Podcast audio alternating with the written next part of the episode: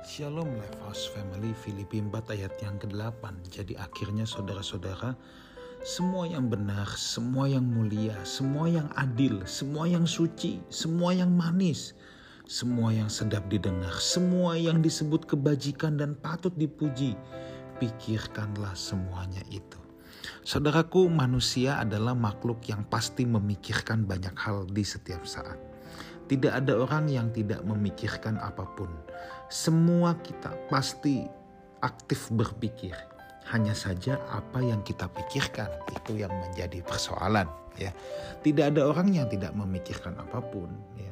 Orang yang ngelamun pun pasti memikirkan sesuatu. Entah itu hal yang berkualitas atau tidak, itu urusan nomor dua ya, itu urusan belakang. Tetapi setiap kita pasti berpikir ya Nah sekarang pertanyaan kita adalah apa sih yang kita pikirkan sehari-hari saudara?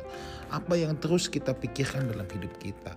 Ada orang yang berhayal terus, berhayal pun itu kan berpikir. Ada yang berhayal jadi kaya, ada yang berhayal jadi tenar, jadi terkenal dan lain sebagainya. Tetapi sekarang persoalannya apa sih yang kita pikirkan Nah, firman Tuhan berkata bahwa pikirkanlah semuanya itu. Yang mana? Yang pertama, semua yang benar. Nah, jadi kita harus tahu yang kita pikirkan itu hal yang benar atau tidak. Semua yang mulia. Waduh, semua yang mulia.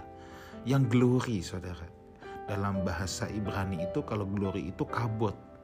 Yang punya kualitas, ya, yang punya weight, berat, bobot.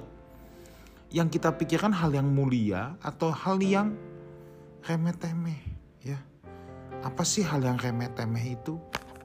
Hal yang remeh-temeh adalah hal yang membuat kita jauh dari Tuhan. Hal yang membuat kita lebih tidak intim dengan Tuhan. Hal yang membuat kita justru semakin menambah kedagingan kita, bukan membawa kita semakin dekat dengan Tuhan. Itu hal yang remeh-temeh, saudara. Sedangkan hal yang mulia adalah hal yang membuat kita lebih dekat dengan Tuhan. Dan semua yang adil kata Alkitab, semua yang suci. Nah, sekarang yang kita pikirkan hal yang suci atau justru hal yang najis. Semua yang manis. Artinya jangan menyimpan kepahitan, jangan menyimpan akar pahit, saudara. Ya. Jangan sampai yang kita pikirkan justru kepahitan sama orang Justru yang Alkitab katakan adalah semua yang manis, semua yang sedap didengar. Bukan gosip, bukan menjelekkan orang, tetapi semua yang sedap didengar.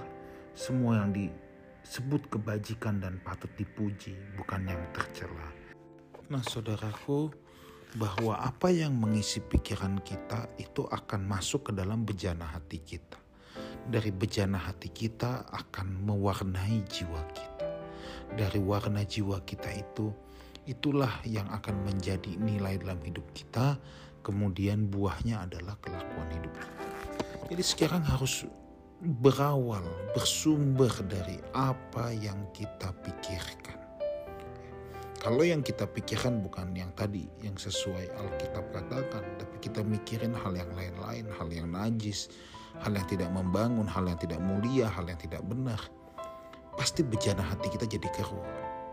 Kalau bejana hati kita keruh, warna jiwa kita juga jadi gelap. Ya. Dan perbuatan-perbuatan yang akan muncul kemudian pasti adalah perbuatan daging. So, apa yang kita pikirkan itu sangat mempengaruhi hidup kita. Yuk, kita belajar dari kebenaran ini. Kita pikirkan semua yang benar, yang mulia, yang adil, yang suci, yang manis, yang sedap didengar apa yang disebut kebajikan dan hal yang patut dipuji, itulah yang kita semua pikirkan. Tuhan Yesus menyertai kita semua. Amin.